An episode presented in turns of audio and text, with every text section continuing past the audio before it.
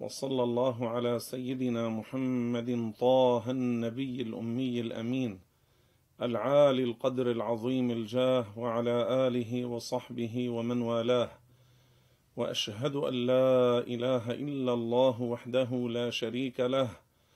وأشهد أن محمدا عبده ورسوله وصفيه وحبيبه وخليله صلى الله عليه وسلم وشرف وكرم وبارك وعظم وأمدنا الله بمدده ونفعنا ببركاته وثبتنا على حبه ورزقنا شفاعته صلى الله عليه وسلم ورضي الله عن كل الأولياء والصالحين.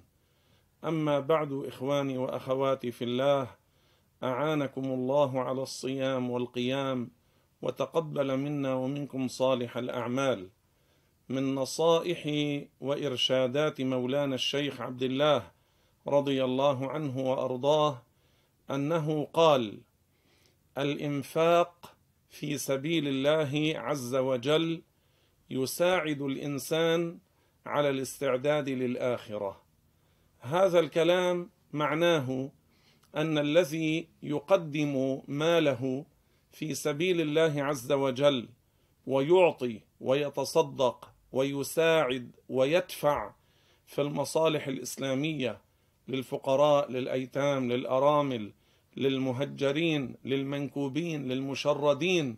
فهذا ذخر وثواب ونور وبركة. يهيئ هذا الأجر لقبره يهيئ لآخرته. وبهذا العمل قد يطير فوق الصراط. وبهذا العمل قد يوسع عليه القبر وبهذا العمل قد ينجو فلا يعذب بالمرة لا في القبر ولا في مواقف القيامة ولا يدخل النار لأن المسلم بأي حسنه من الحسنات قد يغفر له. والرسول صلى الله عليه وسلم قال اتقوا النار ولو بشق تمرة. ونحن في رمضان ينبغي أن نكثر من الجود والسخاء والعطاء والإنفاق والبذل في وجوه البر والخير. ورسول الله صلى الله عليه وسلم هو أجود خلق الله أجود الناس أجود العالمين وكان أجود ما يكون في رمضان حين يلقاه جبريل عليهما السلام يكون أجود في الخير من الريح المرسلة.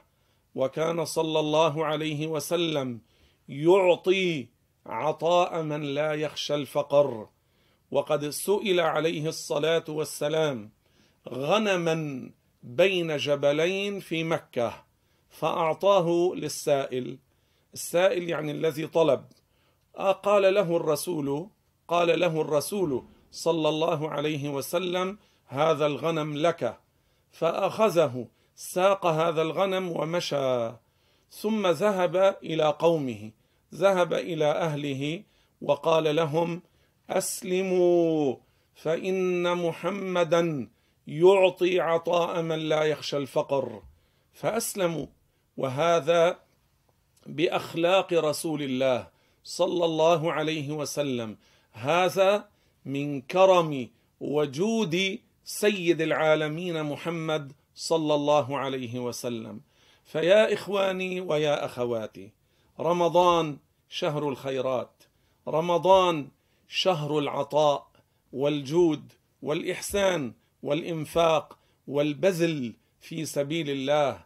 رمضان شهر عظيم شهر تغلق فيه أبواب النيران وتفتح فيه أبواب الجنان.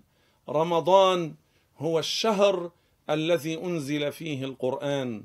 رمضان فيه ليلة هي خير من ألف شهر. رمضان شهر فيه قد تعتق من النار وفيه يعتق الله خلقا كثيرين من النار. رمضان شهر تعليم. النفس الصبر وتعويد النفس على العطاء ومساعدة الغير. في رمضان تذكروا الفقراء. في رمضان ساعدوا الأيتام. في رمضان تذكروا أن الفقراء في كل السنة ربما كانوا كأنهم في رمضان من حيث القلة ومن حيث الامتناع عن الطعام. وأما أنتم أو الكثير من الناس فيأكلون في كل يوم بل ربما أكلوا في الشهر الواحد كما يأكل الفقير في كل السنة. فيا إخواني رمضان ليس موسما للتلذذ والتوسع في الطعام والشراب والتفنن في ذلك. رمضان ليس موسما لتجربة كل أنواع الطبخ في الدنيا. رمضان ليس موسما لتجرب كل أنواع العصيرات والحلواء. رمضان ليس موسما لتدخر لنفسك وزوجتك وأولادك فقط لا بل رمضان فرصة العمر التي قد لا تتكرر. وكان مولانا الشيخ رحمه الله جوادا سخيا كريما ينفق في كل السنة. ويعطي في كل الأوقات لكنه في رمضان يضاعف ذلك وفي رمضان يكثر من الجود والعطاء بل وكان يسألنا أحيانا من منكم يعرف فلان؟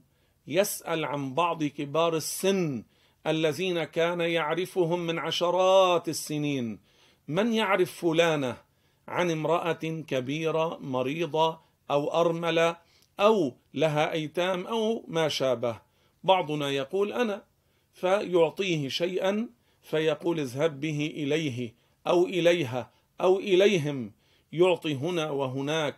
وقد حصل معي مرة سأل عن امرأة أهلها وأخوها كانوا من جماعة الشيخ وأخوها من المشايخ. فقلت أنا أعرف بيت هذه المرأة؟ قال اذهب إليهم واعطها هذا المال. وكان قد وضعه ولفه في ورقة حتى لا يظهر ما هو هذا الشيء. ذهبت إلى بيت هؤلاء الناس ضربت الباب. هذه المرأة هي التي فتحت الباب. وجدتها عند الباب. يعني ما أن ضربت الباب فتحت. رأيتها تبكي. رأيتها تبكي. فقلت لها ما بك يا فلانة؟ قالت أنا مريضة وأريد أن أذهب إلى الطبيب وليس عندي مال. فقلت لها هذا من الشيخ. نظرت المرأة تعجبت رفعت يديها وصارت تدعو للشيخ رحمه الله. عندما رجعت إليه وأخبرته بذلك فرح فرحا عظيما. لماذا؟ لأن هذا المال وقع في موقعه وقع في محله في يد محتاجة.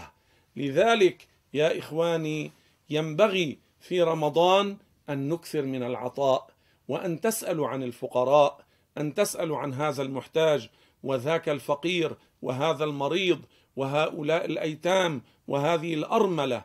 لا تقتصروا على أبنائكم لا تقتصروا على أولادكم بل ما تصرفونه على بيوتكم في كل الشهر اصرفوه على عشرة بيوت. مع بيتكم أدخلوا بيوت الفقراء وكل من يحتاج للطعام والشراب والنفقة. هذا ثواب ونور وذخر. الرسول عليه الصلاة والسلام يقول اتقوا النار ولو بشق تمرة. إذا كان بشق تمرة قد تعتق من النار. هذا القدر. شق تمرة إن كان من حلال.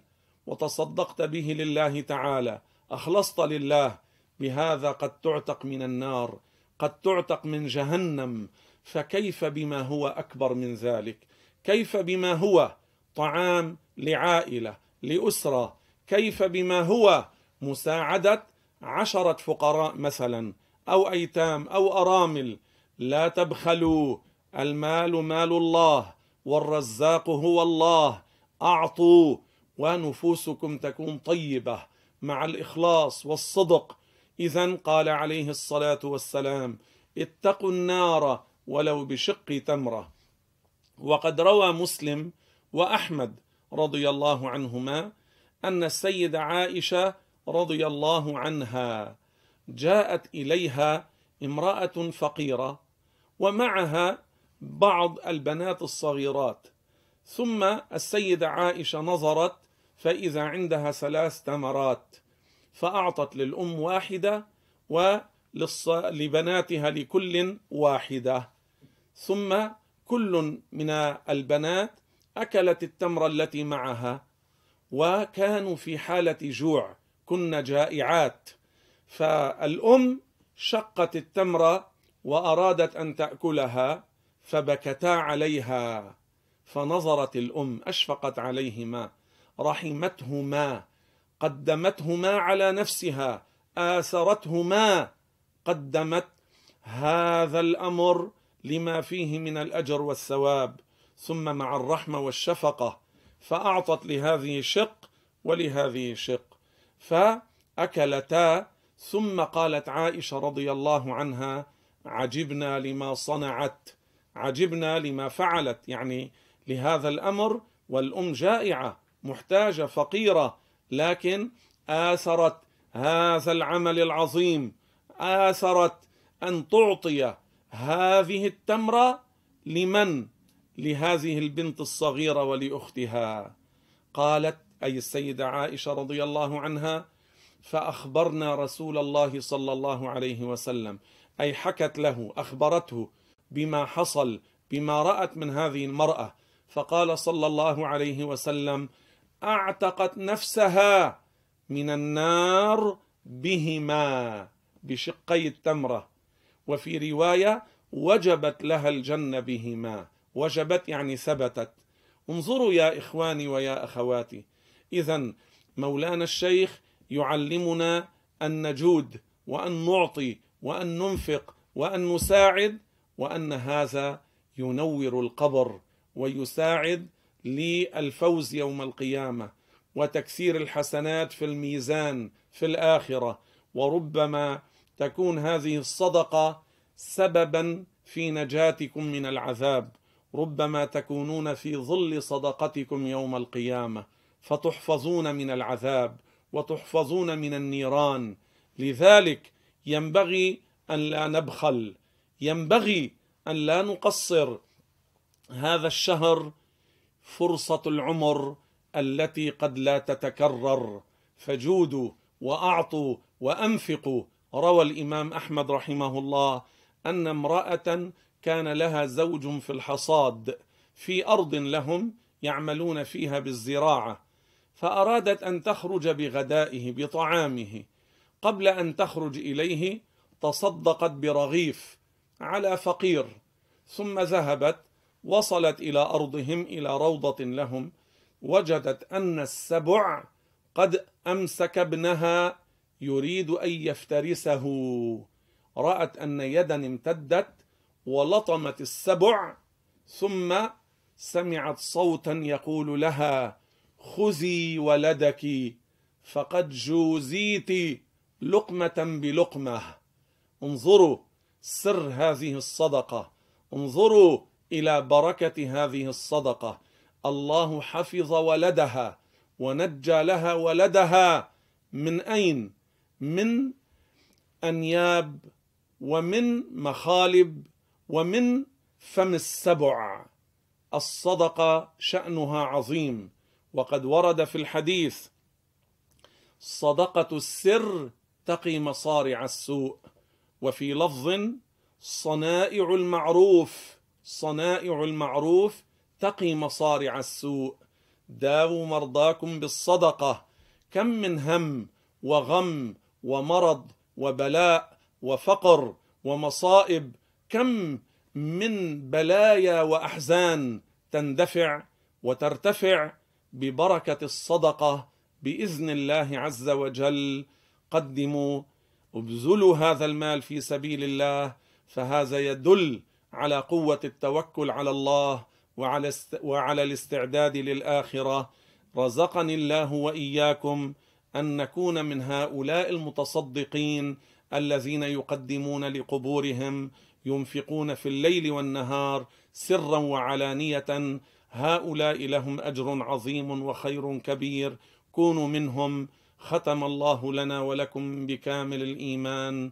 والحمد لله رب العالمين. 啊啊啊啊。